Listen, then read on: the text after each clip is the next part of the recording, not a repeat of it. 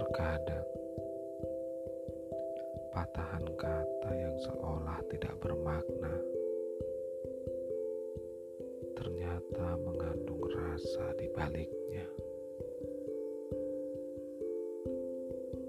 Aku mencoba mengumpulkan rasa-rasa itu,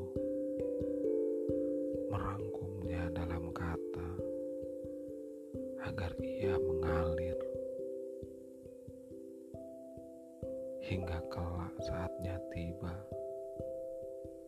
Rasa itu akan bermakna.